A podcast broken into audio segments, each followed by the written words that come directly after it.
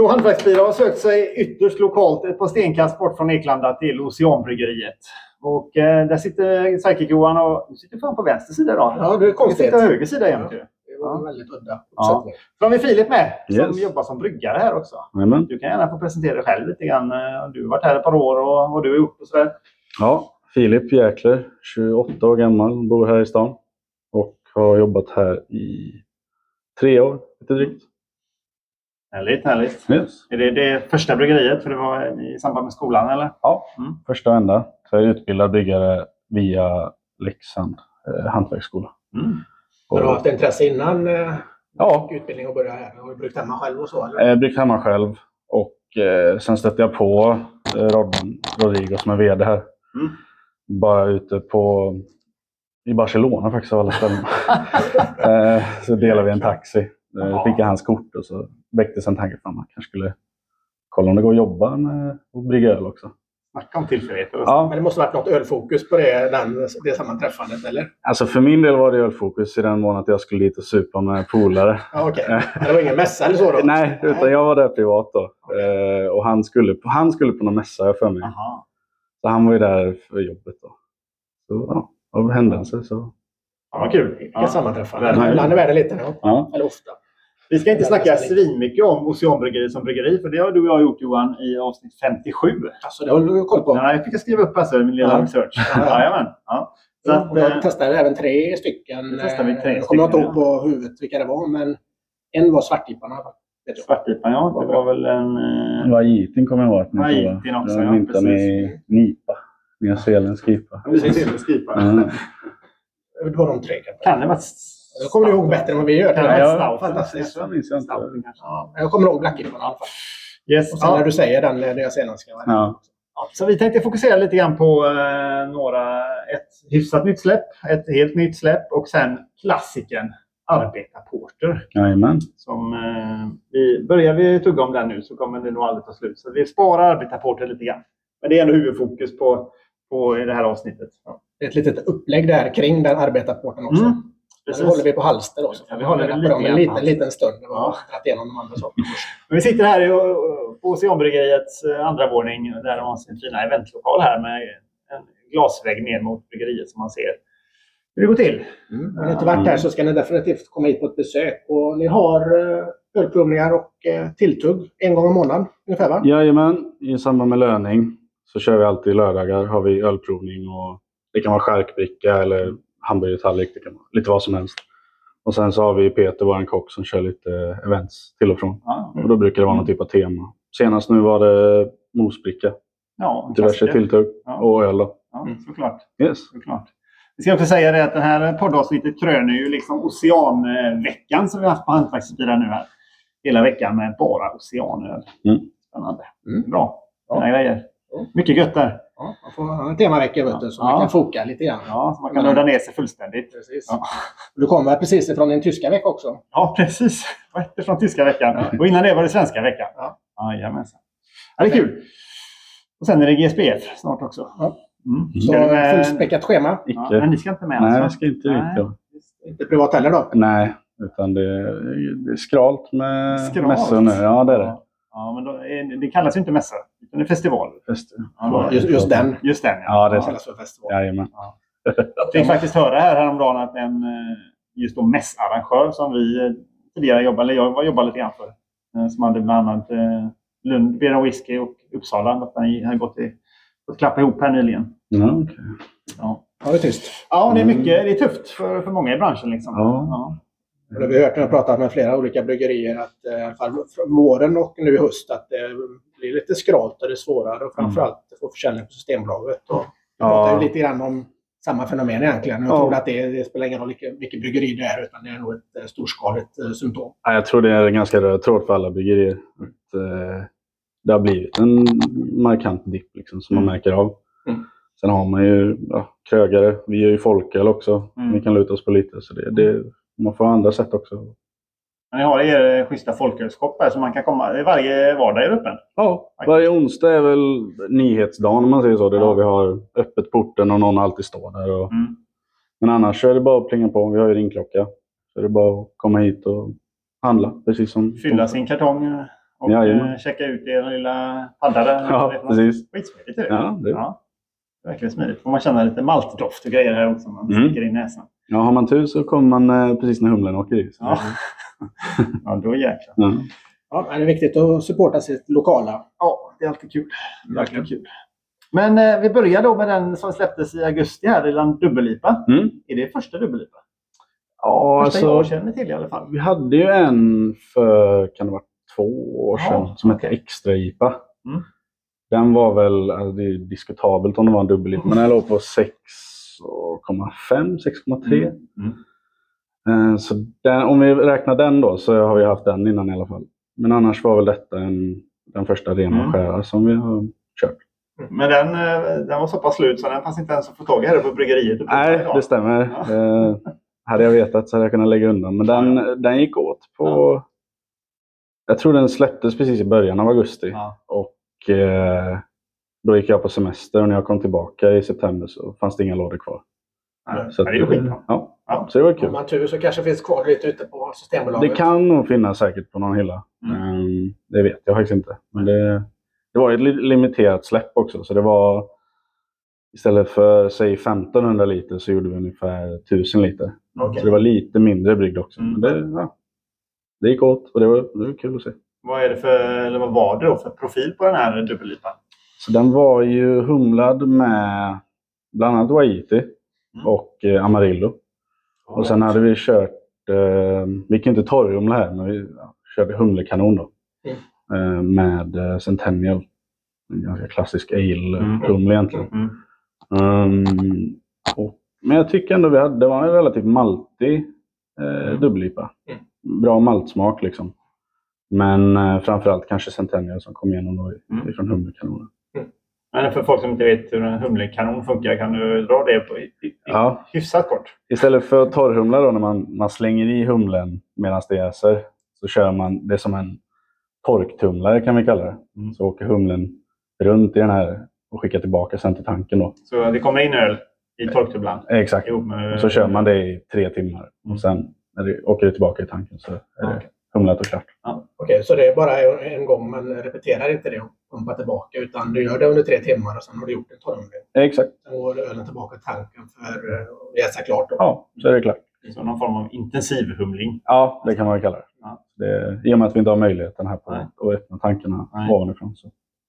Eh, För jag vet också, det finns väl också system ibland där du kan egentligen pumpa runt som ett kretslopp. eh, Mm. Från fermenteringstanken igenom typ en humlekanon då, och sen tillbaka. Men då har det som ett löpande kretslopp under en lite längre tid. Så du pumpar inte in, utan du kan alltså Mm. ha samma öl gå igenom humlen flera gånger. då. Exakt. Så det, det, ja, det är en liten, nu ser man inte härifrån, men det är en liten, eh, vad ska man kalla det?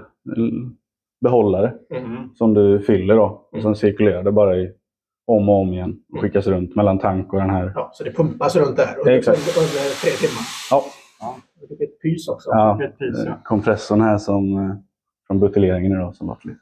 Trevligt, trevligt. Men sen är det väl en annan fördel. Du sa att ni har inte luckor här så ni kan inte torrhumla från toppen på tanken. Exakt. Eh, Sen är det väl så att eh, en annan fördel att ha en humlekanon är ju att du eh, reducerar syrekontakt. Mm. Så Du har ju Risken, fortfarande ett slutet system. Så Ja. fort du öppnar och lägger i så finns det risk att du får i syre och då kan du ju få oxidation med. exakt. Så risken för ja, felsmaker och annat blir mindre. Det, det finns absolut plus med det också. Eller, det, är ett bra sätt att humla en öl på efter jäsning. Mm. Det är liknande som Göteborgs nya bryggeri har Exakt. också va? Ja, Ja, den har vi sett här uppe. Ja, okej.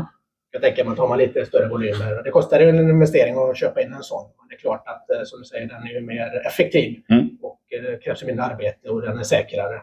Och säkrar ju produkten på ett bättre sätt. Exakt. Men den här dubbellipan då, vad, sa vi vad stark den var? eller? 7,2. 7,2. Yes. Och originallipan, den vanliga IPan, ligger på 5 någonting. eller? 5,4.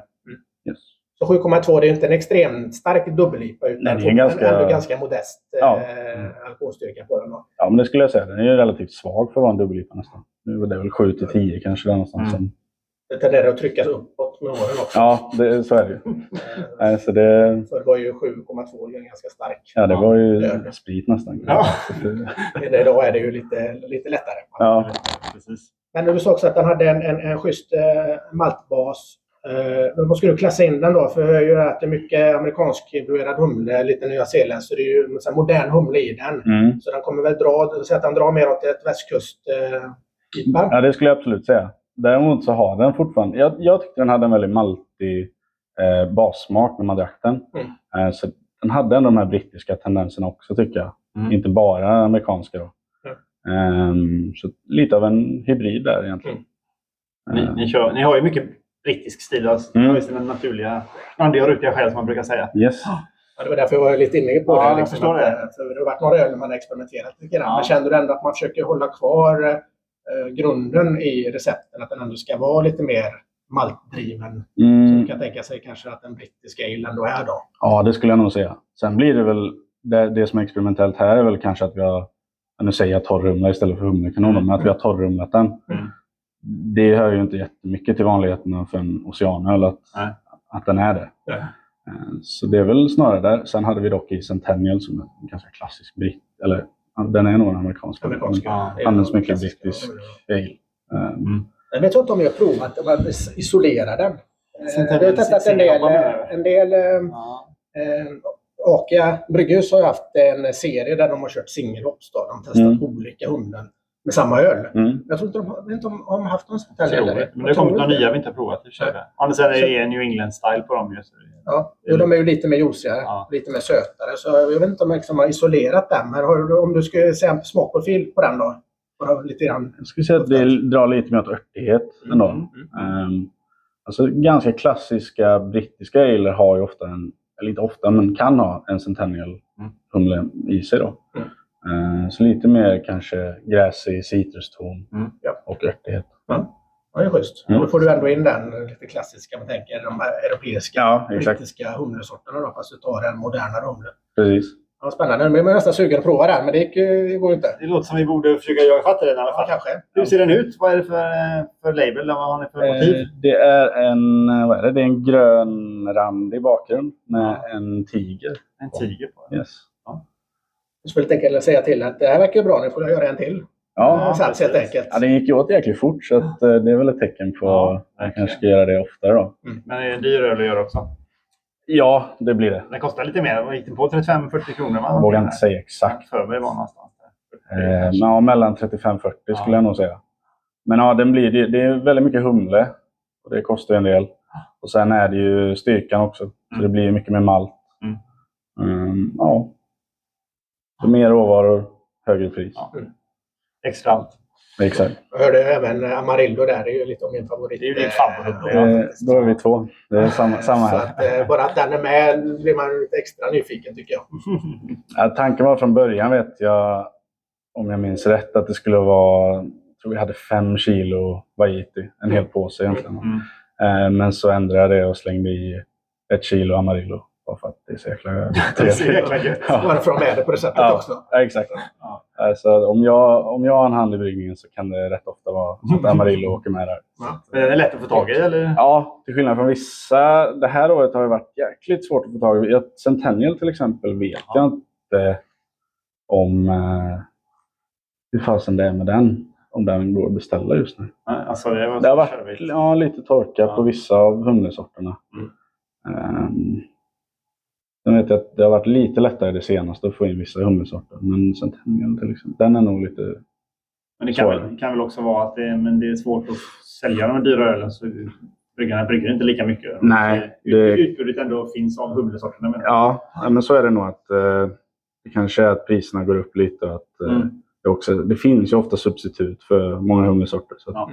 man kanske tar en annan. Ja, precis. Det var det jag funderade lite grann på. Det är ju ganska vanligt. Är det så att eh, många i alla fall av de här stabila recepten har det att man har arbetat ut vissa substitut som man ändå vet fungerar om man har problem att plocka hem den humlesorten man Ja, vi, vill ha. absolut. Ibland eh, kan det ju vara att man inte får tag i en humlesort.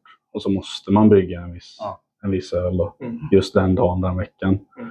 Eh, och då får man ju ta något i närheten eller Mm. korrigera lite hur mycket man har av ja, diverse då för att Mm. I alla fall kunna efterlikna det så mycket att det inte blir en annan öl eller så. Nej. Ja, det håller sig till samma etikett och så. Ja, ni brukar inte ha um, humlesorterna på etiketterna, va? Mm, nej, vissa tror jag vi har det på. Ja, okej. Jag kan inte säga varför vi har det eller inte. Eh, vi har ju sötma, beska och Ja. fyllighet står ju på alla. De här eh, ringarna. Ja, exakt. Men eh, humlesorterna, det Tror vet det. jag inte. Kanske på en del. På folkölen är det ganska vanligt. Ja, okej. Ehm, det kan vara att jag blandar ihop etiketten Ja. med etiketten nu, men ehm, till och från Mm. skulle jag säga. Ja, gött. Men eh, om vi går över på det kommande släppet då som släpps i eh, oktober här någon gång. Mm. Vi hade ju inne här Ostron Stout. Jajamän. Ocean Ostron Stout. Jag tänkte att vi skulle prova Mm. Det blir trevligt. Är- Är det första eh, ostronstouten eller ostronporten ni gör? Ja, stämmer. Och om du ska raljera lite grann just kring eh, ostronporter slash stout. Mm. Vad är det vi tittar på här Alltså, egentligen? det, det, man tänker kanske på namnet att eh, det måste finnas ostron i. Men det är ju att det ska vara ostron till ostron. Så den här till exempel innehåller ju 0% ostron. Eh, det är bara att den ska se- serveras till ostron gärna då. Mm. Eh, sen kan man ju ha, vi kollade lite på det när vi skulle göra den.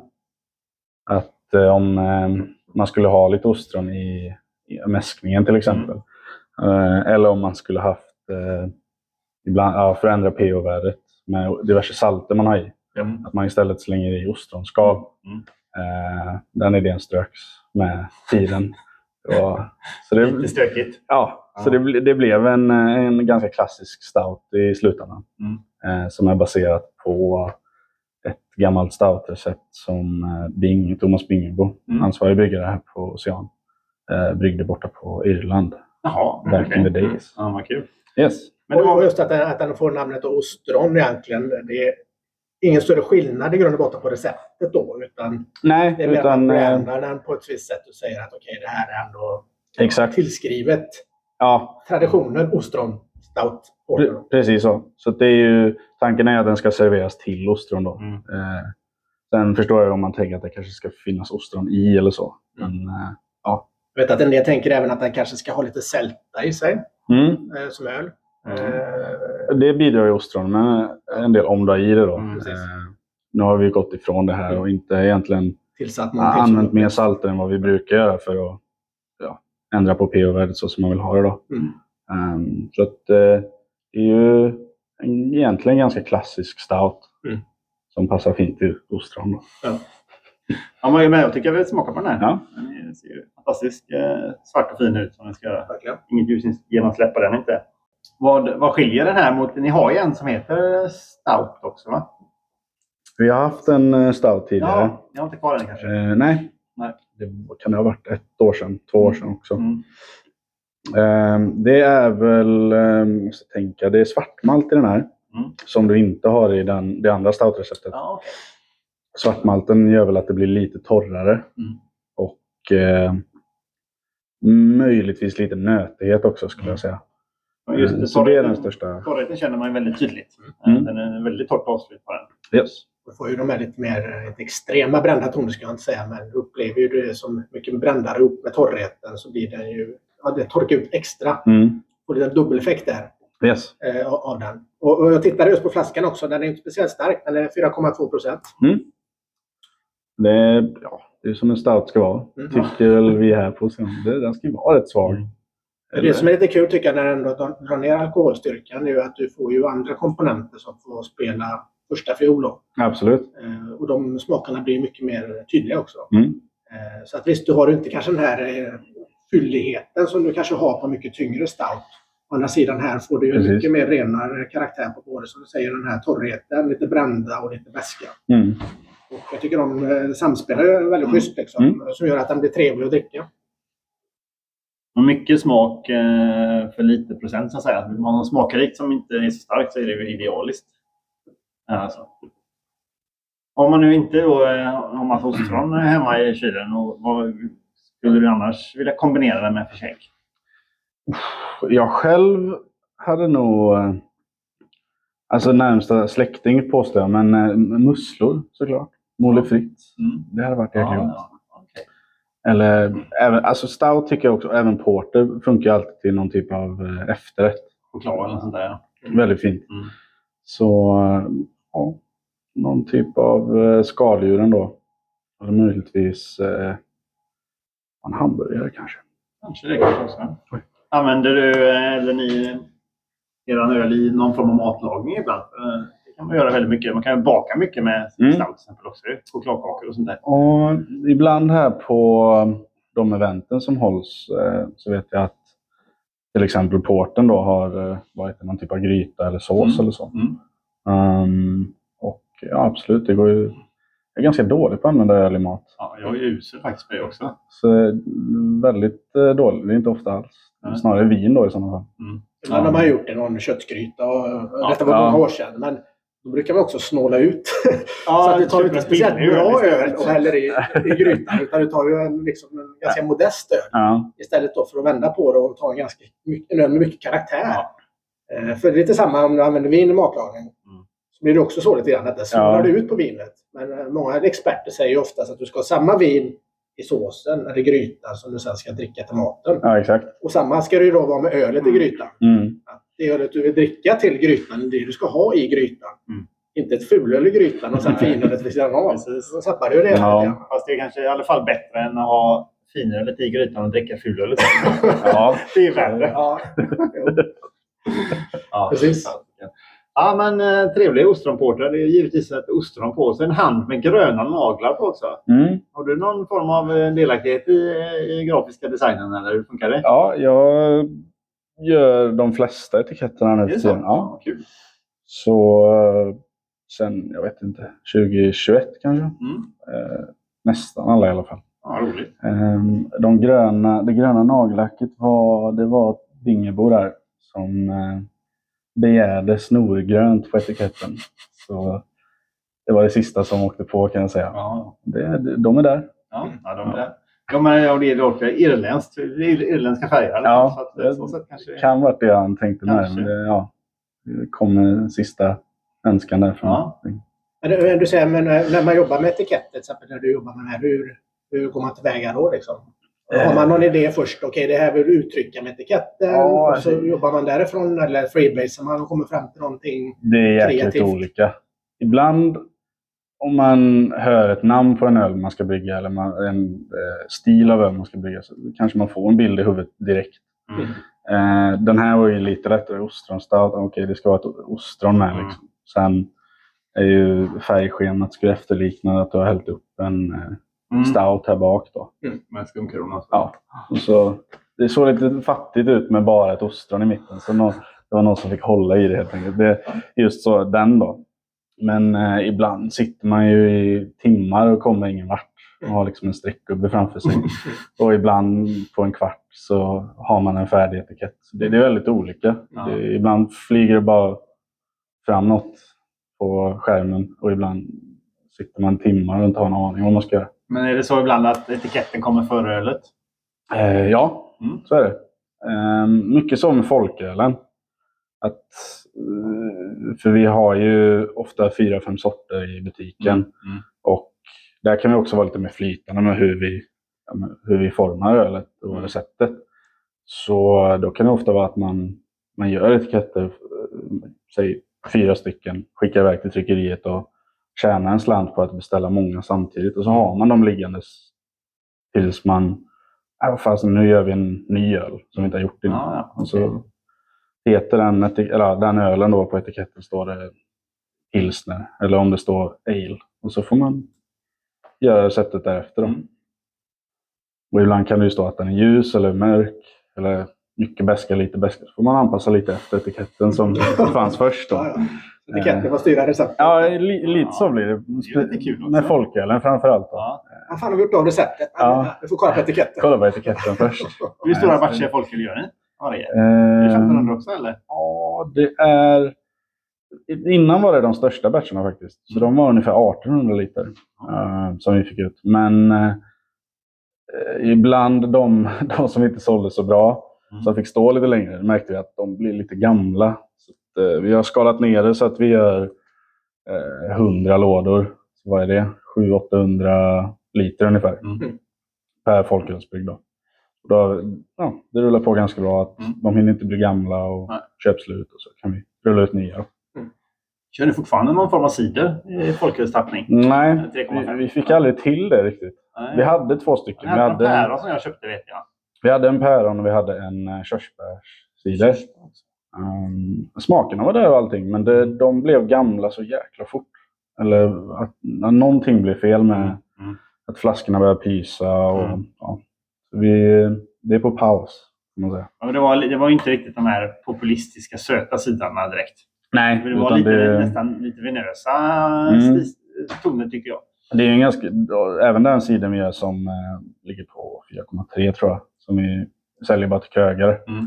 Eh, den är ju halvtorr, även den. Mm. Och det är ju någon typ av champagnejäst. Ja, okej. Så att den har ju den här lite Mm. bubbelsmaken, Mm. den här torra. Mm. Så att, eh, nej, det är ingen sån sockerbomb direkt Nej. i så, smak. Ingen ungdomscider. Då är det ju 18 givetvis på 3,5 då, men det står ju skyltat där nere också. Jajamän. Jag tänkte på det här, om vi går tillbaka till eh, den här stouten då. Mm. Vi hade ju ett... Testade igenom lite olika ölstilar. Det var, det i början av året tror jag. Vi får, testa, vi får testa andra flaskan också. Ja, och då, eh, då pratade vi just om både, både ett porter och stout. Mm. Som två olika då. Eh, och om man tittar rent eh, traditionellt då så, så är ju gränsen mellan porter och stout den är hårfin. Liksom. Det finns ju ingen jättebra definition på det. Nej. Men eh, ursprungligen så var ju stout kanske en starkare porter.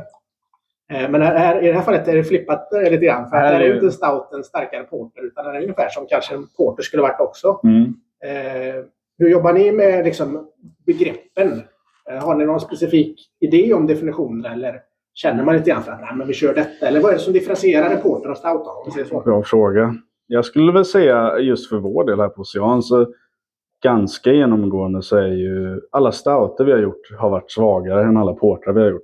Mm. Eh, Göteborgsporten vi gör den ligger på 5, oh, är det 5 eller 5,5? Men den är trevlig också. Det kommer upp lite grann temperatur på den. Jäklar, det går smaka det. Eh, och, och det är den svagaste porten om vi säger så som vi har gjort. Men alla stouter vi har gjort har legat mellan eh, 4 och 4,5. Mm. Så att eh, på vårt bygge så är de alltid svagare. Skulle tvärtom. Kan man ju påstå. Utmanar ni status quo där lite grann? Eller tanken? Ja. Men det egentligen spelar det ingen roll för att definitionen finns ju inte skriven. Nej. Utan, Nej, precis. eh, historiskt det- sett. Så det var bara det att man kom fram till den slutsatsen att Mm. men Porter var det arenarådaren, den stora och sen så kom Stouten och den var lite starkare. Eh, Men definitionen var ju egentligen mest regional. Ja, Inte så mycket kanske produkt. då. det är väl de irländska rötterna som eh, Bingebo har. Eh, Där, på Irland är den ju gärna ganska svag, stouten. Ja. Så Mm. det har väl förts vidare här.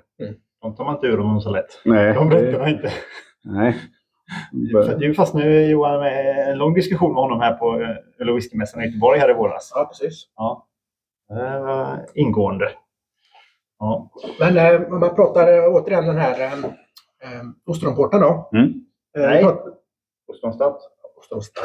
Ja, mm. ja. Eh, ostronstouten då. Mm. Eh, vi pratade om svartmalt, att du hade haft i det. Mm. Vad vad är det mer som är maltnotan på den här då? Eh, Det är Marisotte som är basmalten. Sen är det eh, chokladmalt.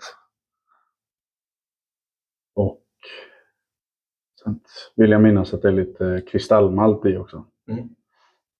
Mm. det är nog det. Har man Det kristallmalt? är karamell. Ja, det är en lite mer sönderrostad karamellmalt. Mm.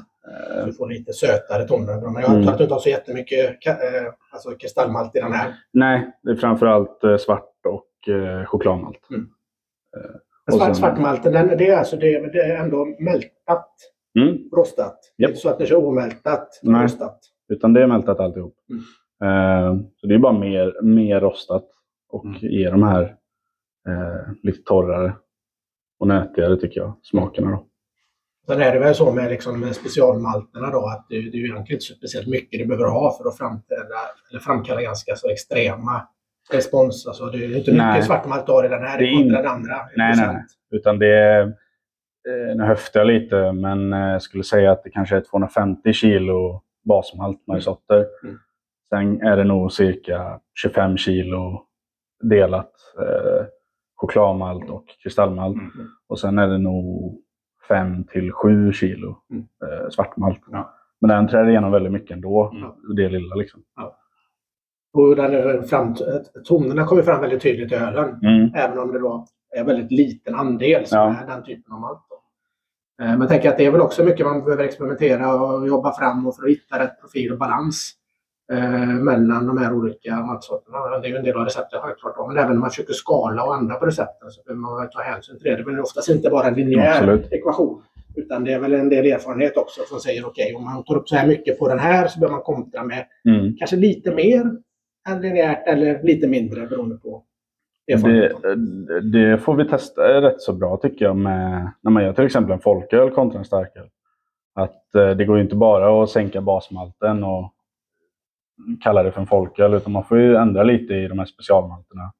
Ja, hur mycket som åker i då för att om man ska göra till exempel en folköl som är en stout. Mm. Då får man kanske gå ner lite och se att det här blev si och så. Mm. Och så vet man det till nästa gång. Så har man alltid sina bryggprotokoll som man ser. Mm. Den här smakar ju inte så bra. Vad, vad händer där egentligen? Eller, ja. Det blir ju det är ett väldigt bra sätt att testa också och se kontrasterna mellan om du har då, till exempel 300 plus kilo eller som i en folköl där man har kanske 150 kilo. Det är ju Mm. ungefär hälften. Och sen när du pratar folköl, är det, är det så att man kan jobba, jobba med omältat någonting där också? Eller? Nej, allting vi kör är i stort sett mältat. Eh, Det kan hända någon gång i någon öl att vi har men Annars kan man ju laborera med det. Alltså kör du omältat. Du kan ändå få smakprofilen till exempel från en stark rostad då, men du får inte med sockret då. Mm. Vilket gör att du får ju en lägre alkoholhalt då när du ändå jäser. Och du har ingenting att jäsa. Men du får smaken i alla fall. mm. Ja, grymt. Uh, Ostronstav från Ocean. Uh, sen, jag tror att jag skrev upp när den skulle släppas till och med. 13 tionde. Det är typ nästa vecka det, ja. Ja, det är typ eh, när det här sänds kanske. Ja, jag efter. tror det är 13 på fredag. Ja, då så. Ja, 13. Ja, precis. Nästa fredag. Ja. Perfekt till eh, fredags eh, skaldjuren om man tror. Hur Mm. det för dig Johan? Hur Nej, jag du inte. skaldjur? Ostron? Eller ostron? Vad heter ett ostron då? Jag vet inte. Det blir lika bra att säga nej, för säkerhets skull. Att, eh, Jag kan dricka den ölen istället. Ja, det kan du väl Jag kan ta ett saltkar vid sidan om. Eller jag kan blanda salt i vatten. Ja. Det är ungefär samma sak. Kommer du ihåg det här? Man, för länge, för, inte länge sedan, men man skulle... Om man får förkyld skulle man skölja sin jävla näsa med salt vatten. Ja. Ja, Men det finns ju sånt. det är inte på sånt som är ostron. salt, salt, salt. Här är inte det. Solvatten. Lite det. simmigt, geggigt där. Ja. Ja. Ja, vi har en uppställning här av eh, ytterst trevliga flaskor med eh, Oceans arbetarporter. Mm. Har, har du koll på historiken på arbetarporten? För jag förstod som att den är sedan 2008 typ. Mm. 2008 bryggdes första. Eh, och det var ju... Eh, nu kan jag inte namnet då, men det var ju någon på Bishops Arms där på Järntorget. Som eh, var missnöjd över att eh, hans favoritporter hade ändrat i receptet tror jag. Mm, okay. Var Flying Dog eh, från USA. Mm. Gonzo. Gonzo heter den ja. Eh, Så han var missnöjd över något under att de hade ändrat receptet. Så hade han kontaktat Thomas Springebo. Som, eh, alltså, och det blev arbetarporten då, Så En beställnings... Eh, Ja. ja. egentligen. från början. Mm. Och den har ju varit på tapp där sedan dess. Sedan 2008 då. Samma tapp läste jag till och med. Samma tapp stämmer. Hela tiden. Ja, Hela tiden. säger de i alla fall. Jag, jag var för ung för att dricka öl 2008 men... eh, Men nu kan du gå dit. Ja, är fortfarande. Nu är det samma tapp i alla fall. Så att, sen, jag, sen jag har varit där så har det varit där. Och det är enda krogen den säljs på på tapp har jag förstått som i hela Sverige. Det stämmer. Den har varit på turné några gånger men då har de sagt, sagt okej där. Ja, då har den fått eh, godkännande. Ja, så det är inte precis. bara att skicka, skicka runt den. Nej. Ja, det är ju faktiskt väldigt kul och den är lite så här ikonisk kanske man kan säga då. Mm. Eh, Men just när den har en historia och hängt med så länge och den kanske förfinas lite grann med åren. Och ett tag var det 50 centiliter flaska och nu är det 33 va? Yes. Ja. Ja, det är riktigt kul. Men eh, hur säljer ni mycket av ar arbetarporter? Liksom? Det är ändå en, Ja. den är stark, det är ju 9 Ja. va? Stämmer. Ja. Den har varit på 9,5 också. Eh, men det är 9 i dagsläget i alla fall. Eh, nja är väl svaret. Det är väl en nischad produkt. Liksom. Eh, Exakt. Eh, alltså det, det går inte så många fat så att säga. Utan det, det är max ett i månaden. Mm. Och då överdriver jag nog lite. Ja. Eh, och sen eh, till och från så kommer någon beställning på eh, en låda hit, en låda dit. Mm. Antingen till centrallagret i Örebro, Mm. eller till Systembolaget. Då. Eller om det är något systembolag någonstans i stan som har slut på en låda. Ja. Men det är ytterst sällan som säger att det är över tre i alla fall på en vecka som skickas. Men, men när, när ni brygger denna då, du sa att den var ni, hur stark är den nu? 9 procent? Nio. Eh, hur- hur- vad är det för volym när ni kör den då? Mm, det är, där har vi maxkapacitet på vårt bryggverk. Så där, måste vi, där får vi ut mycket mindre totalt sett i öl. Då. Ehm, så det är eh, 300, 380 kilo cirkus. 387 tror jag det är Mm. till och med. Mm. Eh, och om en vanlig brygg ligger på ungefär 1500 liter ut i flaska då, Ja. så ligger arbetarporten på cirka 800-900 liter. Mm. Så det blir ganska mycket mindre som vi kan vi maxar vårt eh, bryggverk ja, ytspänning i stort Ja. sett. Så att, eh, då måste vi minska Mm. ja, mängden vatten som åker Mm. in. Men eh, sen i och med att den är så pass stark och en porter, då går den även att lagra ett tag tänker jag. Mm. Så att, Det- eh, ni, ni kör på detta och sen så rullar det på och när det är slut så kör man en ny brygg då. Ja, vi sätter ju eh, bäst före ett år efter eh, att den är Ja, färdigast. ni gör det ändå. Eh, men eh, det är jäkligt flytande, det är bäst före. Alltså det, den håller ju... ja, De vi har framför oss här är ju den äldsta jag hittade var från 2013. Tio Mm. år ändå. Mm. Ja, Vågar du det Johan? Du brukar Ja, ju säga, vet gammal inte. mat brukar du vara skeptisk mot. Ja, får vi se. Nej, det, så jag vet inte riktigt heller. Det får se hur det smakar. Men det, ja, i alla fall två år utan problem skulle jag påstå. Det, Hur tycker du att den utvecklas? Har du någon känsla för det? det var rätt länge sedan faktiskt som jag, så jag är lite med er här och Ja, återupp- experimentet. Ja, det var, senast var nog precis efter pandemin där när Portersällskapet hade på, Mm. vad heter det, hotellet där borta. Ja, Waterfront nu. Waterfront. Yes. Eh, då hade vi med oss eh, ett par årgångar. Jag minns fasen inte riktigt Nej. Eh, skillnaden på dem eller så. Utan, så att, Det är eh, för att du drack för många andra porter innan. ingen kommentar. Ja, precis. Men det- den, eh, alltså standardprodukten, den eh, tappas direkt på flaskor. Det är inte så att ni fatlagrar eh, jo, sta- standardprodukten också? det, eh, både och. Okej. Så nu till exempel eh, idag faktiskt så förde jag över en eh, arbetarporter som ska på fat och flaska på måndag. Och då är, det beror lite på hur det ser ut i lagersaldot. Men eh, denna gången så blir det ungefär hälften fat, hälften eh, flaska. Mm. Och så åker de bara upp på lagret och sitter där. Mm. Tills de vill ha dem där borta på Järntorget. Götta sig helt enkelt. Mm. Men det har även varit eh, alltså en fatlagrat. Jag hörde att det var någon jubileumsutgåva Mm. till... Eh, Den har vi här faktiskt. var det, Det är tio års... någon form av eh, whisky eller var det... Ja, den är lagrad på Mackmyrafat. Jajamän. Riktigt dammig flaska. Jag fick knäppa en bild på de här sen. Ja. Riktigt, eh, Så vi får förklara vad vi sitter och- stirrar på här då, helt enkelt. Så att nu börjar vi prata om arbetarporter då.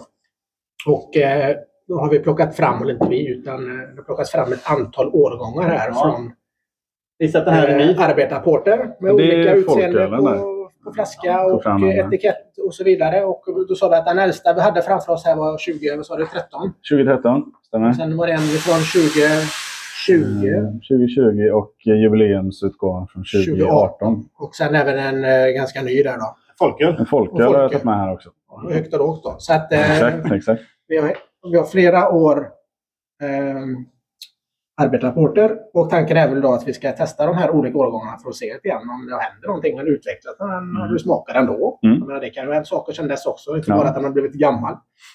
Nej, så nej, kanske inte smakar någonting alls, det vet, vem vet. Nej, det, jag, Låt jag stå är se, lika färsk som er här. Det är spännande sedan, experiment, det är klart. Mm. Men när- när, ni tappar eh, produkten så det är inget, den efterjäser inte direkt på flaskan den här, eller? Ja, den är ofiltrerad. Så det blir lite av en efterjäsning. Mm. Det blir det absolut. Ehm, men den är egentligen helt klar när den hamnar på flaska. Så Ja. det är, Så det är ingenting som, alltså på flaska utvecklas den egentligen kanske inte jätte, jättemycket över tid då. nej, inte direkt skulle jag inte säga. Utan det, den är ju i stort sett helt klar när den, när den hamnar på flaska. Mm. Men den här eh, som du pratade om, eh, den hade på Mackmyrafat då. Mm. Eh, hur länge har den legat på ett sådant fat? Eh, det vet jag faktiskt inte. Jag ska se om det står här. Lagd på fat 12-15 och sen tappad på flaska 10-20. Så nästan eh, åtta månader. Det var rätt länge det. Mm. Och eh, det är klart att när du, när du tappar det på fat så eh, då får du ju en, en eftermognad på Mm. produkten också. Mm, det är inte bara det att den tar eh, effekt av alltså mackmyrafatet i det här fallet. Man tänker man okej, då blir det någon whisketouch på den. Ja. Men att även lagra den på fat är ju många karaktärer till ölen. Ja. Delvis så mognar den ju själv och sen så har den ju indirekt så får du en kontamination där Mm. i fatet som gör att du får ju en sekundär jäsning i princip. Eh, som också påverkar resultatet. Mm. Det kan ju kanske syras lite grann beroende på och eh, kanske oxideras lite grann. Men om Ja, du det inte har en väldigt, väldigt humledriven öl så kan ju oxidationen ibland göra att den kanske blir lite rundare i karaktär också. Mm. Och den här är inte jättehumledriven. Det är den inte. Så att, eh, jag är fortfarande spänd på att se hur det smakar. Men, Mm. eh, Vad har du själv för erfarenhet om man pratar fatlagring? Är det annat ni fatlagrar eller är det denna som ni kör eh, på fat? det är denna egentligen. Eh, sen, sen jag började så är det denna som, jag känner till. Mm. Som jag har fatlagrat. Har ni egna fat här, bryggeriet, eller skeppar ni iväg någon annanstans? Eh, nej, utan då skeppas det iväg i sådana fall. Mm. Så att ni har inga fat stående här? Som Nej. det är i sådana fall kaskarna som kanske kan stå lite. Ja. Det har vi ju både metall och... Ja, men inga, trä, inga träfat tänker jag. då. Inga träffar. Inga träffar. Vilka, vilka stilar kör du på Karls förresten? Är det också del Bishops eller? Eh, Det är, väl, det är lite olika. Det är mycket OT, Oliver Twist, Mm. uppe i Stockholm. Ja, så- Och Haket. Mm. Det är väl de två Ja. som beställer mest eh, Mm. kaskgas. Um, och det är egentligen det, det de vill ha. Mm.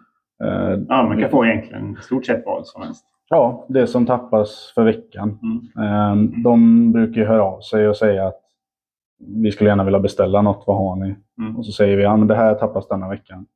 Och antingen passar eller så passar det inte. Nej. Så det är lite flytande. Mm. Ja, de hör av sig och så stämmer av ungefär. Mm. Och ser vad som finns. Ja, schysst. Vi ska väl eh, naturligtvis börja med folkölen då tycker jag. Ja, annars Ja. lär ju den vara rätt spoiled. Ja, precis. Ja. Men vi får bara ta en, en mikropaus så jag kan ta en, en bild här innan vi häller upp. Så är vi strax tillbaka. Mm. Ja, nu kan vi nog eh, ge oss på den första arbetarporten här då. Mm. Folkölsvariant, ja. Den har jag köpt någon gång. Är du igång här igen alltså? Nu är vi igång här igen. Mm. Den har jag köpt någon gång för några år sedan. Jag minns i Port. Då kan vi ta det gamla glaset. Ta ett nytt glas till folkölen kanske. Nej, då, det. Och då fick jag tipset också när jag köpte den. Man, kan man blanda med den vanliga arbetarporten också? Så det blir jäkligt bra. Det är ett svar helt enkelt. Ja. Ja. Det är fortfarande väldigt mycket karaktär kanske. Är inte riktigt lika mörk kanske som den andra. Nu har vi inte Nej. köpt den andra än så länge men eh, den har lite, Det är en lite liten röd gnutta ja. man ser igenom. Ja. Väldigt, väldigt härlig eh, kaffe latte-färgad skumkrona på den. Det är väldigt snygg. Har rätt sköna rostade toner i, i aromen. Alltså. Ja. Givetvis är den lättare. Men den är ändå smakrik alltså. Mm. Tycker nog vi får till det väldigt bra med i stort sett alla folköl. Att, eh, smaken är ändå där. Sen absolut, den är ju väldigt mycket tunnare då än vad en 9 i öl. Såklart. Ja, det var ju inte, ja, precis. Viskositeten är ju, alltså den är ju, vad säger, eh, det är som du säger, tunnare. Så att, eh, fast du har ju ändå lite, eh, lite beska och eh, Mm. lite, lite brända toner. Fast den här är ju inte så bränd som eh, ostronstouten. Nej. Definitivt inte. Och den är inte riktigt lika torr heller. Nej. Eh, så att den är ju lite... Eh, inte söt heller ska jag inte Den säga. har en Fast bra väska också. Ja, men du, du, jag att få upp lite, lite mer vibbar tror jag. Kanske lite, lite sött med den. Mm. Jämfört med den andra då. Men då har vi ju den att jämföra med som å andra sidan var väldigt torr. Ja. Vad, eh, men eh, om man tänker den här då, folkölen kontra den riktiga arbetarporten. Är det ändå grund och sam, samma grundrecept fast man skalar det bara då för att Mm. egentligen brygga lägre alkoholhalt på den? Delvis, eh, ja. Jag skulle säga att eh, det är typ samma, men eh, det är inte riktigt lika många maltsorter i det. Ehm, det är väl mer chokladmalt än vad det är svartmalt. Och det är ingen eh, vetemalt alls här i. Så den, är- den ja, fyra av sex kan man säga. Samma maltsorter. Så, Nej. och i Storebron då, där är det vetemalt också. Ja, det har varit, i alla fall i de, ska vi se, de två bör det vara det. Den senare har inte det. Okej, så de äldre ha- hade... Exakt. Vad- Finns det någon anledning till att man har ändrat i receptet där då? Det vet jag faktiskt inte riktigt. Om eh, det är av ekonomiska skäl eller om det är att man känner att det inte bidrog riktigt. Men Mm. eh, i de senare recepten har vi inte haft det. Och eh, om man tänker rent bryggartekniskt då, var, varför vill man pynta i lite vetemalt i en stout eller en porter? Säg det. Jag tycker, inte, jag tycker själv föredrar jag ut, inte vetemalt. Jag tycker inte det är jättetrevligt. Jag tycker det bidrar med lite syrlighet nästan Jaha, i öl. Och möjligtvis lite kropp också. Det, det ska den väl ha, vetemalten. Ehm, men det är ingen favorit hos mig så att eh, ja, jag tycker väl att eh, lite tråkig malt att i ofta. Jag har hört eh, lite grann att den eh, kan ju även ge en del effekt på skumbildandet. Ja. Ja. Du kan få lite maffigare skum eller mer kompaktare skum med vetemalten. Mm. I och med att den är ganska proteindriven och det är mycket protein i den. Ja, absolut gör den det, men då tycker jag att eh, då kan man ha kristall eller kara likväl Mm. eh, som substitut. Sen är det ju framförallt, nu vet vi inte om eh, den här arbetarporten, vad tror du ungefär om kolsyrenivån på dem? Är det ganska lika mellan folkölen och eh, storebror eller är det mer kolsyra i Ja, folkölen? folkölen skulle jag nog säga har lite mer. Ehm, nu har väl den här stått ett tag så att den kanske har tappat lite i sin eh, kolsyra. Men eh, jag skulle säga att alla folköl vi har har lite mer kolsyra. Mm. Sen körde vi ett tag med, med kolsyremätare för att ha exakt samma på alla öl. Och jag tror att den folkölen eh, är en del av det testet vi körde. Ja. Sen skippade vi det. För att olika öl ska ha olika mycket kolsyra. Så det var... Visst fick man en kontinuitet i kolsyran på alla öl. Mm. Men eh, ja, porten kanske ska ha mindre, en pilsner ska ha mer. Mm. Så att, eh, eh, det var ett test som inte var så långvarigt i alla fall. Men ska vi alltså börja med den nyaste? Eller? Av de här? Ja, det var det vi diskuterade här. Det är ju- Ja, Ska vi gå i nyast till gammast Ja. eller gammast till nyast? Men vi håller på den gamla helt Jag håller enkelt. på den gamla Den har fatlådan. stått där sedan 2013 så den lär ju inte bli sur och Jag kan stå lite grann till. Då har vi en 2020. Mm. Nu har jag ju mina linser på mig så jag kan inte läsa den här långa texten här bak. Men den är källarsval bara den här. Ska Ja. du ha ett nytt glas tycker du eller ska du samma? Mm. Ja, jag kan sula i mig den. Ja, det kan göra. Men man har sagt att en helt annan viskositet som du sa. Mm, källarsvar, precis. Jag, jag hämtade de här från lagret och lät dem stå lite ute. Jag tycker ju rumstempererad eh, porter är trevligast. Ja. Sen finns det de som vill ha den kyld. Eh, Då kan vi kyla den. ja, Precis. Jag kan också säga att du kan alltid börja kyld ska du alltid värma den. Ja. Det är svårare än tvärtom. Ja, det är klart du kan kyla den men du väl hällt upp den tänker jag. När jag var på Bishops, eh, senast men gången innan tror jag, så eh, kom ju kocken eh, löpandes där. Eh, när jag sa att jag skulle ha en arbetarporter. Så kom han ju fram med någon chilipralin som han hade gjort med arbetarporter i just också. Ja, okej. som, man gärna serverade. De hade någon form av sån där, jag vet inte om det var benmärkesvin eller om det var bara en efterrätt de hade. Liksom. mm. Det är lite kul att de använder det i maten Ja. också. Och lite. Den här var ju eh, skum som man kan säga. Mm. ja. Skumkumla. En helt annan, eh, den har ingen färggenomsläpp. Den här är inte ens har uppe mot lampan. Så att den är ju så gott som svart. Va? Den är helt öppekvätt. Ja. Vad heter det? det var inget som skulle nå dagsljus eller vad säger Alltså att den eh, släpper inte igenom något. Den är Jo, solid. Eller vad ska jag säga då? Solid eller... Eh, Den säger har man? en, en, en, doft här som är ju otroligt maffig. Alltså. Men den doftar ju inte marshmallows och jordnötter. Som med en del andra sådana här starka mörka öl kan göra. Men mycket doftar den. verkligen. Choklad. och- Ja, Jag tycker du tar upp en eh, lite mer eh, sötare doftton då. Mm, det håller jag med om, verkligen. Mm. Fast nu är det inte socker vi doftar, för det går inte att dofta som jag sagt typ hundratusen gånger tidigare tror jag. Men man kan tänka sig då att det kanske är lite fruktvibbar som kommer. Mm. Det Kan det vara, eh, säga, vad, vad hade du här? Pratar vi karamellmalt? Vi pratar chokladmalt? Här är vetemalt, eh, kristallmalt, eh, svartmalt och basmalt, marisotter.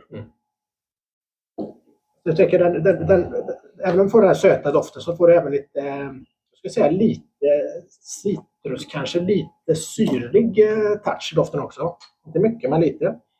Alltså den blir ju inte så här dov i doften. Nej. Den är fortfarande ganska lite frisk i doften. Påminner om punch en del tycker jag. I doften. Lite arrak. Eh, Ja, exakt. Punch. Ja, du- När drack du punch senast Johan? Det jag pluggade på universitetet. för 2000 år sedan. Säg Om jag eh, minns att jag druckit punch överhuvudtaget. Kanske var det de, de gångerna man inte minns. Jag har blivit Ja. punchdryck kanske. Nej, men det är eh, precis som det är. Ja. Men tycker du ändå att den doftar lite friskt? Jag vet inte om jag... Jo, det tycker jag nog. Att du får Det inte den här dova frukttonerna. Den tor- torkade frukten tycker jag är så mycket av. Jag tycker ändå inte... Jag tycker nog att den doftar lite friskare. Okej. Det tycker jag fan du vill. Mm. Det är det som är så gött. Men jag tror den sitter fortfarande och luktar där. Och det är ju lite kul. Jag har inte ens kommit att smaka än. Men det betyder ja, vi att den ändå är ju har... snart färdiga. Men... Ja, men det betyder har att, eh, att doften är så här, ganska komplex. Ganska då. komplext. Mm. Det är härligt. Det är jävligt kul Det är kul. faktiskt. Känna mycket olika saker.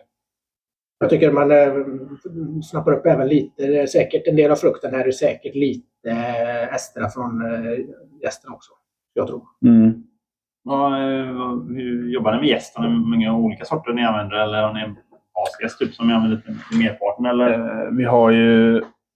Till just arbetarporten har vi en eh, Saf, Safale, Safale. T- T58. Eh, men till alla andra ale så har vi eh, S04 som husgäst. Mm. Och sen har vi eh, V34-70 Ja, till, våra, till våra lagersorter. Komplext namn där. Nej, men ja, så att, det här är väl den enda kan- om vi kallar den ale då, som inte har S04 i sig. Mm. Av de öl vi brygger. Mm. Så den har fått sin egna. Tycker du att det, det ger mycket karaktär till det? Eh, ja, mer än vad S04 gör. Ja. S04 är väldigt så eh, snäll på det sättet att du kan använda den till det mesta och Mm. den träder inte igenom så mycket. Här träder den igenom mycket mer, eh, T58. Eh, Jag tror, jag tror den där, vi pratar här frukt och sådär, att det är, ändå är lite fr- fruktester härifrån gästen också Mm. som slår igenom. Det skulle jag påstå. Inte, inte bara liksom att det är en söt maltbas i grunden. nej, utan det, det känner man lite just att eh, om man tänker på när man brygger eh, arbetarporten och blandar gästen och Mm. häller i den. Då, det påminner lite om den här. eh, Det finns toner av den doften även här i. Så att, absolut. Men det är ju kul ändå när man eh, jobbar med en produkt. Så du kan liksom koppla ihop steg i processen till slutprodukt. Och i det här fallet har det även legat då tre år på Mm. flaska. Du kan fortfarande få associationerna mellan de här stegen. Mm. Det betyder ju att för oss som inte har varit med att tillverka och ändå kan snappa upp det. Mm. Eh, vi kan ju inte göra den associ- associationen, men vi kan ju förstå att det finns någonting där. Ja, precis. Det är kul att du berättar ändå att, eh, att du kan ändå se länken Mm. mellan produktionen och produkten. Då. Det tycker jag är häftigt. Jag vet att vi var pratade med, det var Rucken och pratade med Rucken. Mm. Han brukar också blanda det i en del, eh, jag kommer inte ihåg vilken malt han använde. Och det var samma där. eh, Att eh, man gick med bryggeriet så kände du doften av den här malten. Och sen när du dricker ölen Mm. så får du samma vibbar. Och det är klart, hade du inte varit där och känt dofterna så hade du inte tänkt på det när du Mm. drack ölen. Men när du hade gjort den resan så såg du direkt kopplingen från råvaran hela vägen ut i glaset. Då. Mm. Och samma blir det nu då när vi pratar gästen. Här. Jag tycker just den här med T58, den gästen, är väldigt påtaglig när det jäser som mest här ute i hallarna. Mhm. För att eh, S04 har inte direkt någon... Den ger inte ifrån, den visst lite doft den ger ifrån sig, men ganska neutral gästdoft Mm. om vi säger så. Sen har du lagergästen som ja, kan påminna lite om... Eh, alltså fis är nästan Mm. det närmsta egentligen. Mm. Mm. Eh, men T58, då går man förbi tanken där arbetarporten ligger så luktar det lite bubbelgum, typ. Hubba-bubba nästan. Ja. Det är väldigt, till skillnad från fis är det ganska gott med hubba-bubba-doft. Liksom. Ja, Så det är en ganska, en väldigt, väldigt trevlig doft att känna just när det trycker ut som mest där från jäsningen. det är ju fru- fruktester. här. Det Mm. finns ju det här tutti frutti eller hubba bubba. Eh, Exakt. Och fisdoften är ännu mer svavel då. Eh, exakt. sulfat. Ja, sulfat. Men eh, jag tänkte den eh, smaken på den här då, den är, ju- den är ju mycket fylligare självklart. Mm. Eh, mycket restsötma tycker jag. Mm. Så att du får ju en eh, lite dessertkaraktär på den. Mm. Så att den är ju alls inte samma torra avslut som vi haft Nej. tidigare utan mycket, mycket mer eh, restsötma i den. Eh, balanserad, trevlig, lite mjuk, lite rund. Väldigt mjuk skulle jag säga. Ja. Det, ja. Inte alls stickig, frän och svår, svårdrucken om man säga så. Ändå 9 procent och Ja, exakt. kolsvart. Liksom. Och väldigt så nästan farligt lätt att dricka. Så den här har då tre år på flaska. Har, Yes. har du jämför, om du tänker en hyfsat ny, Ja, jag tänkte och du precis på om du det ska jämföra det. Ja, Då, jag skulle ju föredra den här eh, alla dagar i veckan faktiskt. Eh, även såklart, nu skulle jag ju haft den nya. Men eh, den har inte riktigt den här mjuka på samma sätt som denna Nej. har. Eller den receptman heller. Nej. Mm, Alltså det har också utvecklats. Ja, det skulle jag säga. Ja. lite mer eh, Mm. eh, alltså rak i sin smak. Den, en ny då. En ny. Ja. Så, att, eh, på, Den vinner ändå. så lite grann så verkar det som Den att den ändå ändrar karaktär även på flaska här över tre år. Då. Mm. Och just den här runda grejen tycker jag är schysst. När du liksom har en öl som... eh, Jag kan tänka mig att det är ett litet ålderstecken. Fast när det gäller den här typen av öl så blir det ganska trevligt. För att det så filar ju av kanterna som Mm. ibland kan vara Mm. ganska lite stixiga. Mm. Lite fräna så. så det blir Exakt så. mer eh, mogen smak då. och Sen så. Det känner man rätt, rätt ofta när vi provar någon sån lite tuffare en nybryggd rackare. att, ah, Det måste bra att ligga ett år eller två eh, innan man, man dricker den. Mm. Det är så svårt att återförsluta den bara. Så var det ju om man tänker eh, historiskt när det gäller porter. Så man, man, man lagrar ju dem på tunnor, portertunnor. Mm. Och anledningen förr framförallt att man gjorde det var ju för att eh, en färsk produkt den var ju inte speciellt god. Den var ju väldigt harsh då, eller Ja, ja. ta- kant, kantig och, och sticksig. Och delvis för att man använde mycket mör- mörkare malt. Eh, som gjorde att du fick mer eh, astringens i den. Och, och sen så ehm, eh, behövde den då lite tid på sig att liksom fila av sig. Alltså oxidera kanske lite grann och reagera med mikrokulturen i tunnorna. Mm. Som ibland kanske tillför även lite syra i, i ölen. Ja. Eh, så att det finns ju en, en tanke med att eh, ölstilen lagras. Mm. Sen idag är självklart, idag har vi mycket bättre teknik så vi kan göra en produkt ny idag som är mycket, mycket bättre. Den behöver inte lagras. Mm. Men om du lagrar den så tänker jag att då får det fortfarande lite igen de fenomenen som man fick tidigare också. Förr i tiden. Mm. Och Ja, eh, exakt. rundar av den och filar till den lite grann. Ja. Definitivt. Men det är jättetrevligt tycker jag. Verkligen. Innan vi går in på uh, årsmodell 13 så ska vi uh, nog hämta lite vatten och så tror jag. Så kan vi spara de här dropparna så jämför Ja. vi det sen i slutet. Så. Fan vad gött! Då har vi provat 2020 Arbetar Porter och då har vi alltså en stor rackarns jäkla flaska här. Det är en mindre torped Mm. av Arbetar Porter från 2013. 10 år. Mm, Tioårsjubileum där då. Men eh, halvliters, är det så, brukar de komma på halvliters också? Eller var detta någon... Eh, eh, nej, utan det, det är så de kom förr. Fram till, jag vet faktiskt inte vilket år som switchen kom. Men eh, innan så var de alltid på 50. Det är fortfarande en 9 procentig. Mm, stämmer. Det är mycket eh, procent i den här. Mycket procent och stor flaska. Mm. Det är bra att vi delar. Det är mycket att dela på den också. Ja. Men vi har ju ingen val. De måste ju göra jobbet liksom. Ja, så det är spännande då. Då backar vi sju år äldre än den vi provade precis då. Ja. Yes. Det är sällan Men det i grund och botten eh, ganska lik. eh, Och det var, var det vete den också? Stämmer. Egentligen med hela vägen nu då, vet man. Eh, receptet ska vara detsamma. Mm.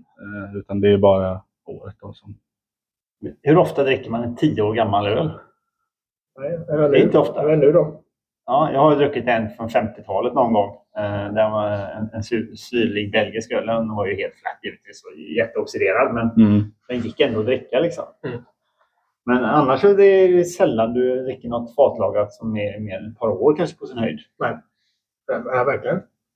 Den är också, ser fantastiskt fin ut. Mm. Ska Jag tycker lägga sig lite man doftar på den, profilen känns ju igen lite grann Ja, från den det förra tycker jag definitivt. Jag vill ju prova den andra kvar här. Kanske lite, inte lite de här, Inte lika, riktigt lika rostade toner eller? nej, alltså inte lika fruktig. Den kommer lite mer syra i det andra glaset nu. Det är lite mer sådär spritiga toner som träder fram tycker jag. När man doftar på den. I den eh, Eh, äldre ja. Ja. Här, så- känns det att, att det är lite mer tryck i den. Den känns starkare och den är lite Ja. mer eh, Mm. spritig, lite mer ja, spritsig. Ja. Ja, Lite men- mer varm. Ja. Och eh, Lite syrligare kanske också. kanske lite syrligare. Ja. Inte alls den röstsötman som Nej. hade i den här 2020. Exakt. Den här var torr, mer torr faktiskt. Satte sig lite mer i kinderna gjorde den. Ja, lite mer markerad väska också. Ja. Jag säger att det är ganska stor skillnad faktiskt. Mm. Väldigt stor skillnad. Men, men precis den här är ju mer om man tänker kanske en, en drar mer åt en eller Porter Stout om man tänker alltså de här rostade tonerna, lite torrare avslut. Kanske lite, lite, lite, lite kryddighet i den. Det kan Ja, vara det alkohol jag som om. slår, igenom blir lite, känns lite kryddig. Men nu Den, jag, den andra 2020 tycker jag var den var mycket, mycket, mycket sötare. Mycket mer restsötare. Mm. men nu när jag eh, parkopplar dem, eller på med partester, tycker jag nästan jag hittar lite vaniljtoner i den 2020. Och lite, lite syrliga toner i den här 2013. Jag tycker också att den är med lite mer syre. Och men det är så kul. Du kan hitta nya smaker och dofter som du inte kände innan när du bara var lite ordning på grejerna. Nu är det personliga preferenser, men skulle nog ändå säga att 2020 tilltalar mina smaklökar lite mer än 2013 faktiskt. Ja, det håller jag med om till 100 procent. Mm. Ganska mycket mer till och med. 2020. Då är det kul att vi har en eh, som avslutning, alltså en, en, ett mellanting där. Mm. Det var 2018 istället. Men vi kan inte spara på den här slatten, också, även om det är mycket. Men den, eh, nej, men det, det, den är ju... Precis, den är mer utmanande definitivt. Men Ja, frågan är ja. hur den var från början den eller om det är så att åldern har gjort sitt. Man, man tänker vad skulle åldern kunna ha gjort med den? Visst, den kan oxidera lite grann. Den kan tappa lite udden, lite smaken, lite rundare.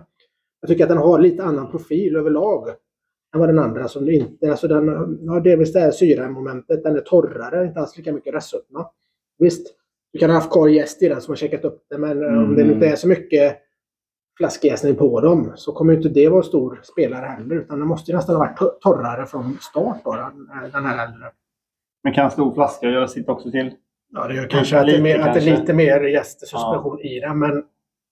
Jag tänker, det kan ju ha varit förändringar i kommunala vattnet och sånt också. Du vet, men det, bry, Ja, det, inte ens bryggeriet ju, här. det, är ju, det är ju Lyckholms. Ja, precis. Gamla Lyckholms. Då Som, inte här ens. Den bryggdes. Det är också lite kul. Var det en samma utrustning? Det var det inte heller då förmodligen. eh, delvis. Delvis. Inte hela vägen. Nej. Men eh, samma bryggverk. Mm. Eh, jästank vågar jag inte svara på. Mm. Jag menar, saker och ting sätter sina spår. Exakt. Framförallt om det, om det är lite spår, litet spår i början och sen så ligger den och loggar till sig. Då kan, Mm. kan ju det spåret förmodligen bli större och större. Också kul. Det var spä- spännande definitivt. Mm. Framförallt att det var eh, så stor skillnad skulle jag vilja säga. Mm. Eh, Ja, det håller jag med. Det är större än vad, vad jag förväntar mig. Framförallt att känner- karaktären är annorlunda liksom. Du känner också att den här är starkare. Alltså det, känslan är att det, den den var är... 9,5 eller? Mm, ja, Nej, utan det, den är nio. Den var kvar. Så att den, Ja. var den på då? Det är Den samma ska- som andra. Båda de här ska ska vara. Men här- nio. Men jag sa det det på den andra att man kände inte så mycket styrkan i den. Nej. Nej. Det tycker Jag jag, man mer känner i den. Precis, men jag tror att med med en del av restsötman i den andra jag maskerar lite grann av Mm. alkoholen. Eh, Den här blir ju lite torrare och lite syrligare. Då tror jag att hettan kommer fram så du får ju den här, som jag tycker, lite örtighet, lite kryddighet nästan. Jag skulle Mm. gissa att det, är, att det är alkoholen som slår igenom. Inte, inte otrevlig på något sätt, Nej, definitivt nej, nej. inte. Men att det sätter lite annan prägel och annan Mm. karaktär på den. Det är synd att man eh, inte kan göra sådana här test så jäkla ofta. Man måste ju vänta så förbannat länge. Ja. Det år till Framförallt är det nästa. väldigt Liksom. trist att man inte kan förmedla det på bra sätt heller. Man Nej. skulle vilja stoppa den där på micken så här lukta. Ja. Luktar det, Fyrdimensionell smakar. podd. Så hälla, så hälla, precis, så hälla öl i det mick. Men då får vi helt enkelt köra en, en livepodd någon gång. Som är kombinerad ölprovning och podd. Men nu blir det ändå inte de som lyssnar. Får ju ingen... Då får man köpa en, en mixpack. Man får komma hit helt enkelt. Ja, Ja. precis. Man får komma hit. Ja. Och så kan man ju spela in då. Ja. Och så kan man få en eh, round table review på saker. Får de som släpps det bara till de som är här. Ja, det skulle man också kunna göra. Jävligt exklusivt. Exklusiv poddinspelning. Men Det är där folk försöker tjäna pengar på sina poddar. Att de har dem på det här Patreon. Man ska Mm, prenumerera på och få lite, lite mer material. Typ eh, ölvärlden. De kör ju sin podd, kommer varje fredag. Och eh, är man Patreon då får du ändå också se dem i bild när de poddar. Ja, okej. Fantastiskt. Exklusivt. Men de har ju ett eh, poddprogram som vi är lite sugna på, på att anamma. Eh, Riverside heter det. Ett, eh, en mjukvara där. Japp. Och den, eh, nu, de är ju två som har, har sin eh, webbkamera på. Nu är programmet så, så pass sofistikerat så den, den visar ju upp stor bild på den som pratar Mm. och en liten bild på den som är tyst. Liksom. Och så Mm. växlar det så hela tiden med automatik. Framförallt så recordar man olika soundtracks Ja. för varje, varje mikrofon då, så att det blir enklare att redigera. Ja. Så att får du dåligt ljud på en mikrofon till exempel så kan du ju efterjustera det. Det blir dåligt på båda. Ja, det låter ju eh, svinbra. Ja, Ja. så Men det, nu det är- blir spännande. Nu är det ju jag som redigerar och jag Ja. håller ju det till ett minimum. Så att, eh, om du är sugen på att ta över den rollen Nej. kanske du kan få vä- välja nu Jag, bara. jag har ju ett jobb Ja. vid sidan om. Oftast har jag också det. Men, eh, Ja, jag vet. ja, herregud. Men eh, vi snackade lite grann om ölfestivaler innan. Mm. Du ska inte åka på GSPF. Men jag och Johan ska åka upp till Örebrofest också för första gången. Jag Mhm. vet inte hur, hur länge den har funnits. Om det är andra året kanske. Men, eh, eller kanske har funnits längre också. Men vet. Och där är det mycket brittiska och amerikanska bryggerier som kommer. Och en del från Östeuropa också. Så det är en Mm. väldigt, väldigt blandning. Mm. Likväl som gamla hedliga som Närke. Ja, också, så det är en salig röra höll jag på att säga. Mm. Då ska vi testa ett nytt koncept. Vi ska åka upp och ner över dagen. Ta tåget upp på eh, upp ett kanske. Mm.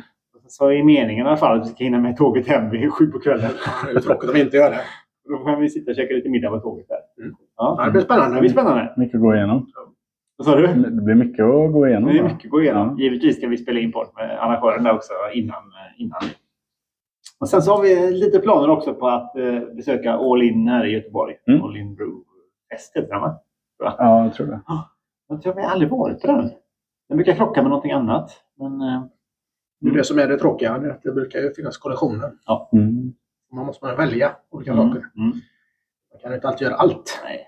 Men eh, när var det den var då? Ja, det, det minns jag inte riktigt, men eh, snart i alla fall. Mm. Men ska du gå på något? Ska du gå på den i Göteborg kanske? Eller ska du... Mm, Jag funderar lite på vad vi har. Det är mer så här små event och Men om du personligen menar, ska du gå på några happenings? inga inplanerade så. Nej. Det är ju på Dugges har någon sån här stout-kväll eh, Jaha, på Dugges Pils. Mm. Om inte allt för länge. Jaha kul. Där ska jag nog vara antingen privat eller med jobbet. Om de tar in lite, lite lokala. Exakt. Ja. Tap takeover fast Mm. olika bryggerier. Mm.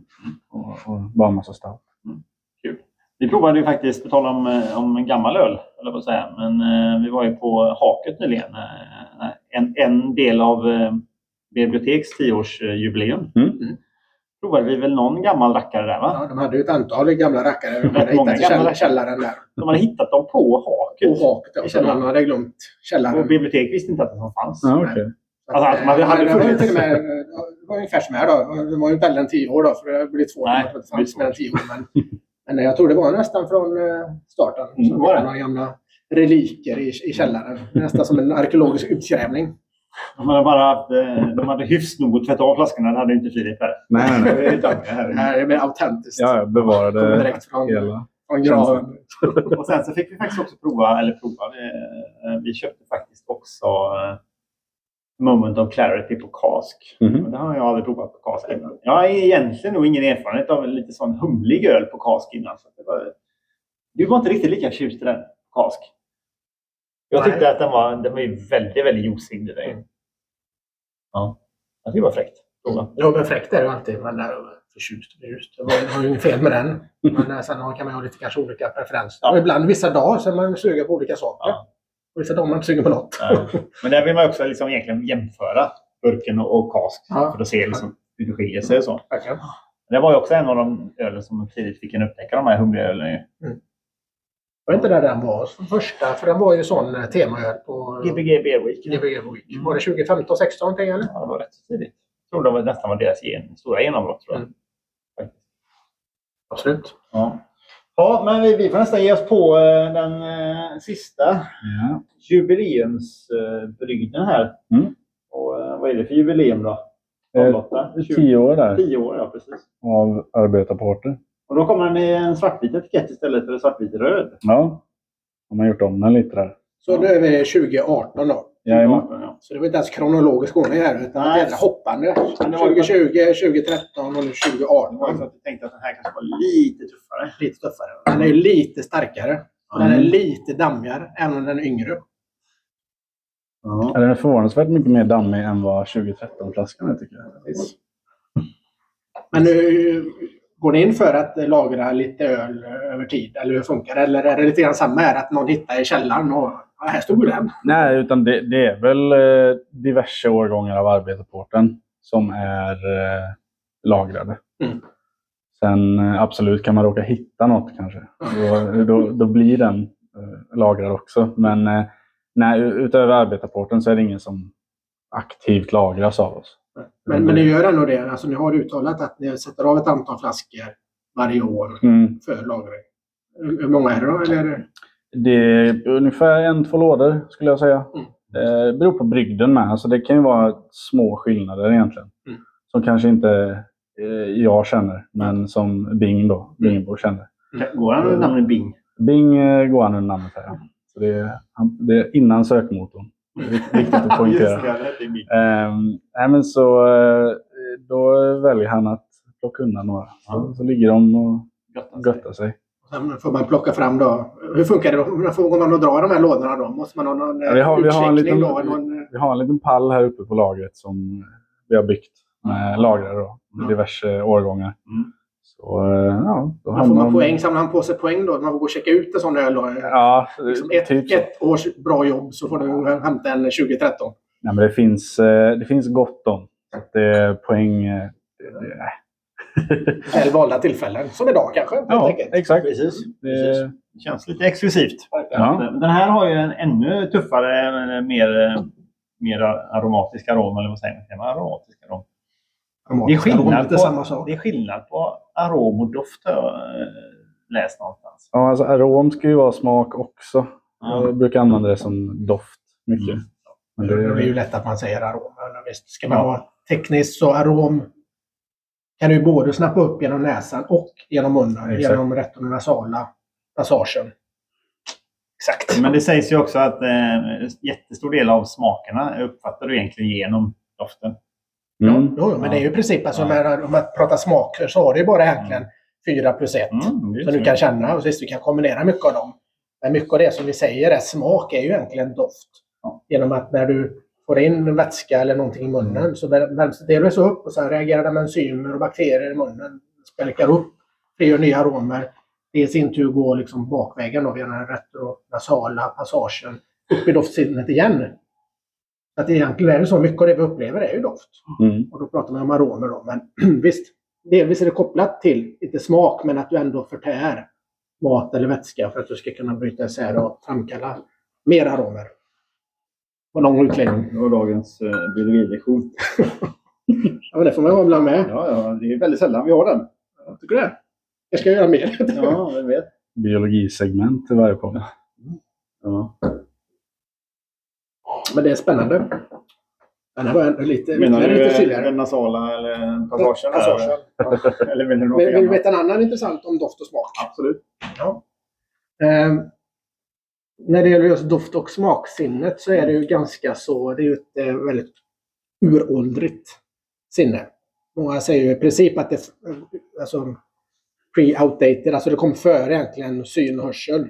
Och det är i princip de eh, sinnena som finns hos de flesta djuren. Då. Eh, och i och med att det har varit så viktigt för vår evolution och vår överlevnad så är det direkt kopplat till hjärnstammen. Vilket betyder att det går direkt in i vissa delar av den äldre delen av hjärnan som inte är logiskt styrd. Det betyder att du egentligen inte kan reagera på det strukturellt eller logiskt, utan du reagerar på lukt, smak med känslor och minnen. Mm. Mm. Eh, Och det är för att man snabbt, oftast är det för att du får in någonting dåligt, gör av med det fort. Mm. Du snappar upp någonting som skulle kunna vara fördelaktigt, reagera fort. Mm. Alltså du ska inte sitta och vänta på att du ska logiskt analysera, mm, vad är det jag känner, vad är det jag doftar, vad ska jag göra? För att då kanske det är för sent. Liksom. Då är det. Liksom. Mm. Så det är det som är intressant när man gör sådana här doft Mm. och smakexperiment. Det är att i princip så måste du börja lära dig att lyssna på känslor och minnen. För att sen omforma det logiskt till beskrivningar av doft och smak. Mm. Men, då, vi, Och det är ju faktiskt en ganska svår process att göra. det är det. Samtidigt så när vi, just när vi pratar öl och vad öl smakar så kopplar vi ofta ihop det, precis som du säger, med en, en händelse tillbaka. Liksom, och hur, hur var det där? Liksom? Vi, som vi pratade om senast när vi var i, på Mallorca senast nu. Och Mm. Vi kröp upp ur, ur havet där och fick oss en riktig makrolager. Och där och då så var ju den känslan fantastisk med den. Och den, den kan man ju tycka att fan, en sån gel kan ju smaka jä- jävla gott. Men när du köpte den nu och provat så tyckte jag, vad fan är det för blask? Vi satt där utanför en buskig ösregn. Ja. hade inte varit lika god kanske. Nej, men det är ju det som är intressant, Ja. just det där med att, att känsla och minne är så starkt kopplat Mm. till hur du bedömer någonting. Sen så drar du ju på de här klassiska liksom, skolbokerna. Ja, men det smakar det, det smakar det. Det är för att man har lärt sig relationen mellan känsla Mm. och, eh, och minne. Men de är ju väldigt personliga också. Så det betyder att varje person gör ju inte samma resa, utan man måste ju börja bygga sitt eget lexikon Mm. över kopplingar mellan de här sakerna utifrån vad man själv har upplevt. Och då kan det oftast vara bra att man tänker tillbaka. Okej, vad får du för association? Du får en känsla, du får ett minne. Ibland ska jag, men, men det luktar som när jag kom in hos mormor. Liksom. Mm. Men vad var det som luktade där då? Ja, det kanske var de här sakerna. Det luktade så ofta när hon bakade någonting kanske. Ja, och det Mm. kanske var för att det fanns en ingrediens i det. Mm. någonting som kopplar tillbaka till detta. Mm. Men du kanske inte hittar den länken direkt. Nej. Men genom liksom börja fundera kanske mer på vad upplevelsen är. Istället för att bara fokusera på eh, du ska sätta smaker här, beskriva smakerna. Så kan man också börja upptäcka kanske ens egen inre resa eller sina egna minnen och koppla dem till eh, ingredienser. Jag tror det krävs ett gäng till arbetarrapporter för att få eh, komma För- åt de här att sidorna. sidorna. Nej, men det, han- I grund och botten handlar det bara att man börjar reflektera Ja, lite grann. så- Alltså börja fundera Mm. på vad smakar det? Varför känner jag igen det här? Mm. Det var som när jag stod och, och sniffade på någon... Eh, vad var det? Det måste ju varit spaten, vet. Jaha, just det. ja. Eh, Efter ni har haft studentfest. Ja, det blev någon över. Tänkte. Ja. Den här får jag kolla upp och testa. Eller. Och så, så luktade jag lite grann på den. Och så, det var någonting som, fan vad luktar den här? Jag tror så och luktade på den en kvart. Kom inte på vad fan det var, men jag kände så jävla väl, väl igen det. Och helt plötsligt så blev det smack. Hubba bubba. Mm. Tänkte man, fick man association till man cyklade ner till kiosken Mm. och köpte Hubba Bubba tuggummi. Den doften var det. Och det var ju det som var, det var fruktesterna i den. Väldigt, Mm. väldigt, väldigt lite, väldigt subtilt. Men det var ju det som man plockade upp. Men man kunde inte sätta det fram för folk fick en association till någonting man hade gjort historiskt. Mm. Vad är det jag känner igen? Och det var då man liksom kunde knyta ihop cirkeln. Ja, Eh, så, ja. att, eh, men det, så just smak och eh, lukt är ju jättespännande. Och eh, det är mycket mer komplicerat. Och att det inte är lätt är inte så konstigt som sagt när vi började. Därför att det ligger utanför din logiska eh, bedömningssfär initiellt. Och man får jobba lite grann för att knytas tillbaka. Eh, vår strukturella värld på den här känslomässiga, minnesmässiga Det, världen. det är tufft att prova, prova över, det är det du försöker säga här. Har du provat den här eller? Nu pratar jag om det här Ja, ju. ja, men gör det för att eh, du kommer... Vilka, vilka minnen Du kommer, växte gå- kommer gå igång igen här snart. Jag. Det var karaktäristiskt, om man säger så. Mm. Var den. Absolut. Mm. Den särskiljer sig lite från de andra Det två. kan man lugnt säga. Mm. Jag plockar upp en, en, en syrakomponent i den här. Definitivt. Mm. Eh, I doften. Mm. Mm. Väldigt tydligt. kommer du nog göra i smaken med tror jag. Och eh, annars så tycker jag lite, lite, alltså den påminner ju mer om 2013 än 2020. 2020 tycker jag fortfarande är den som sticker ut absolut mest. Ja, det håller jag med. Eh, så doftprofilen är ju mer lik eh, 2013. Fast den kanske har lite mer syrlig touch på sig. Kan du smaka på den nu så vi andra kan prata om vad vi tycker den smakar? jag var inte riktigt beredd på den smaken när jag... Nej, det var, om man jämför den med de två andra så är det ju en Ja. ganska markant ökning i syrlighet framför Ja. Verkligen. Väldigt syrlig. Den har inte riktigt åldrats på samma värdighet som de andra. Nej. Om det har med det ursprungliga fa- fatlagringen att göra eller om det har kommit in lite syra genom kapsylen. Det kan ju låta osagt. Men Mm. har du något på gång här känns Nej, det men som. eh, bara för att tillägga då. Ja. Eh, Den här var ju den som var lagrad på Mackmyra fat. då. Yes. Så att eh, den skiljer sig på det, Det sättet jämfört med de andra två. Mm. Och eh, vad som är hönan och ägget här, det vet vi inte riktigt. Men vi pratade om det eh, tidigare, att, eh, att fatlagring kan ju bidra till kanske lite syrliga toner. Mm. Beroende på vad som är på fatet. Jag tycker inte, personligen tycker jag inte att du snappar upp så jättemycket kanske av den här fatkaraktären i form av att, okej, att det är någon whisky-touch på den. Nej. Eh, definitivt inte. Men du får ju den här syrakomponenten och det intressanta är, det vet vi inte om det var innan eller efter fatet. Det kommer vi aldrig kunna veta. Nej. Men för att vara lite exotiska kan vi säga att det kanske är en, en, en fat. Eh, en effekt av fatlagringen då, att du kanske snappar upp lite, lite, lite mer syratoner. Jag tycker, eh, alltså, i min eh, mun så är det mycket mer syratoner. Mm. Faktiskt. Jag blev eh, väldigt så... Jag blev överraskad när jag provade den. När jag jämförde med de andra två. Och den är inte syrlig i form, alltså det är inte en syrlig öl. Nej, det är den inte. Men den har ju syrliga toner. Ja, Definitivt. Definitivt tycker jag. Mm. Vilket gör att den blir ju lite kanske... Lite mer fräschör i den kanske. Den är kanske inte så tung eller? Eller tycker du att det sticker lite för mycket? Ja, jag, ty jag tycker nog att eh, den är, går lite för mycket. Mm. För min smak. Eh, Nu ska jag kanske inte köra en sammanfattning redan, men jag tycker ändå att den, eh, den yngsta kanske är den som eh, tilltalar mig mest. Vad, vad, är, vad är din analys då om... eh, Nej, jag håller med om att syl, alltså, det är inte att den, det går inte över till en liksom Berliner Weisse eller att det är en suröl. Men den har en väldigt markant syrlighet som ändå är där. Visst, smakerna från de andra eh, är kvar i den här på något sätt. Men att det är en väldig syrlighet som är adderad. Mm. Men eh, den sticker ut väldigt mycket från de andra två Mm. tycker jag. Rent i smakprofilerna. Definitivt. Det här skulle kunna vara, om man tar bort etiketten, en, en annan öl. Liksom. Mm. Rent. Mm. Eh, Så mycket tycker jag ändå att det skiljer sig åt faktiskt. Mm. Finns det syrliga stouts? Eh, Det gör det säkert. Det gör det säkert. Jag har ingen aning. Körsbärsstout eller något sånt. Ja. Men det är klart att det är, just det här är ju svårt att säga liksom vad, vad kommer det ifrån. För ibland, Mm. Jag menar, sy, syra i öl, just att den är fatlagrad, det kan ju ge lite kanske tecken på att okej, det här kan vara liksom en reaktion på att den Mm. ändå legat på, Mm.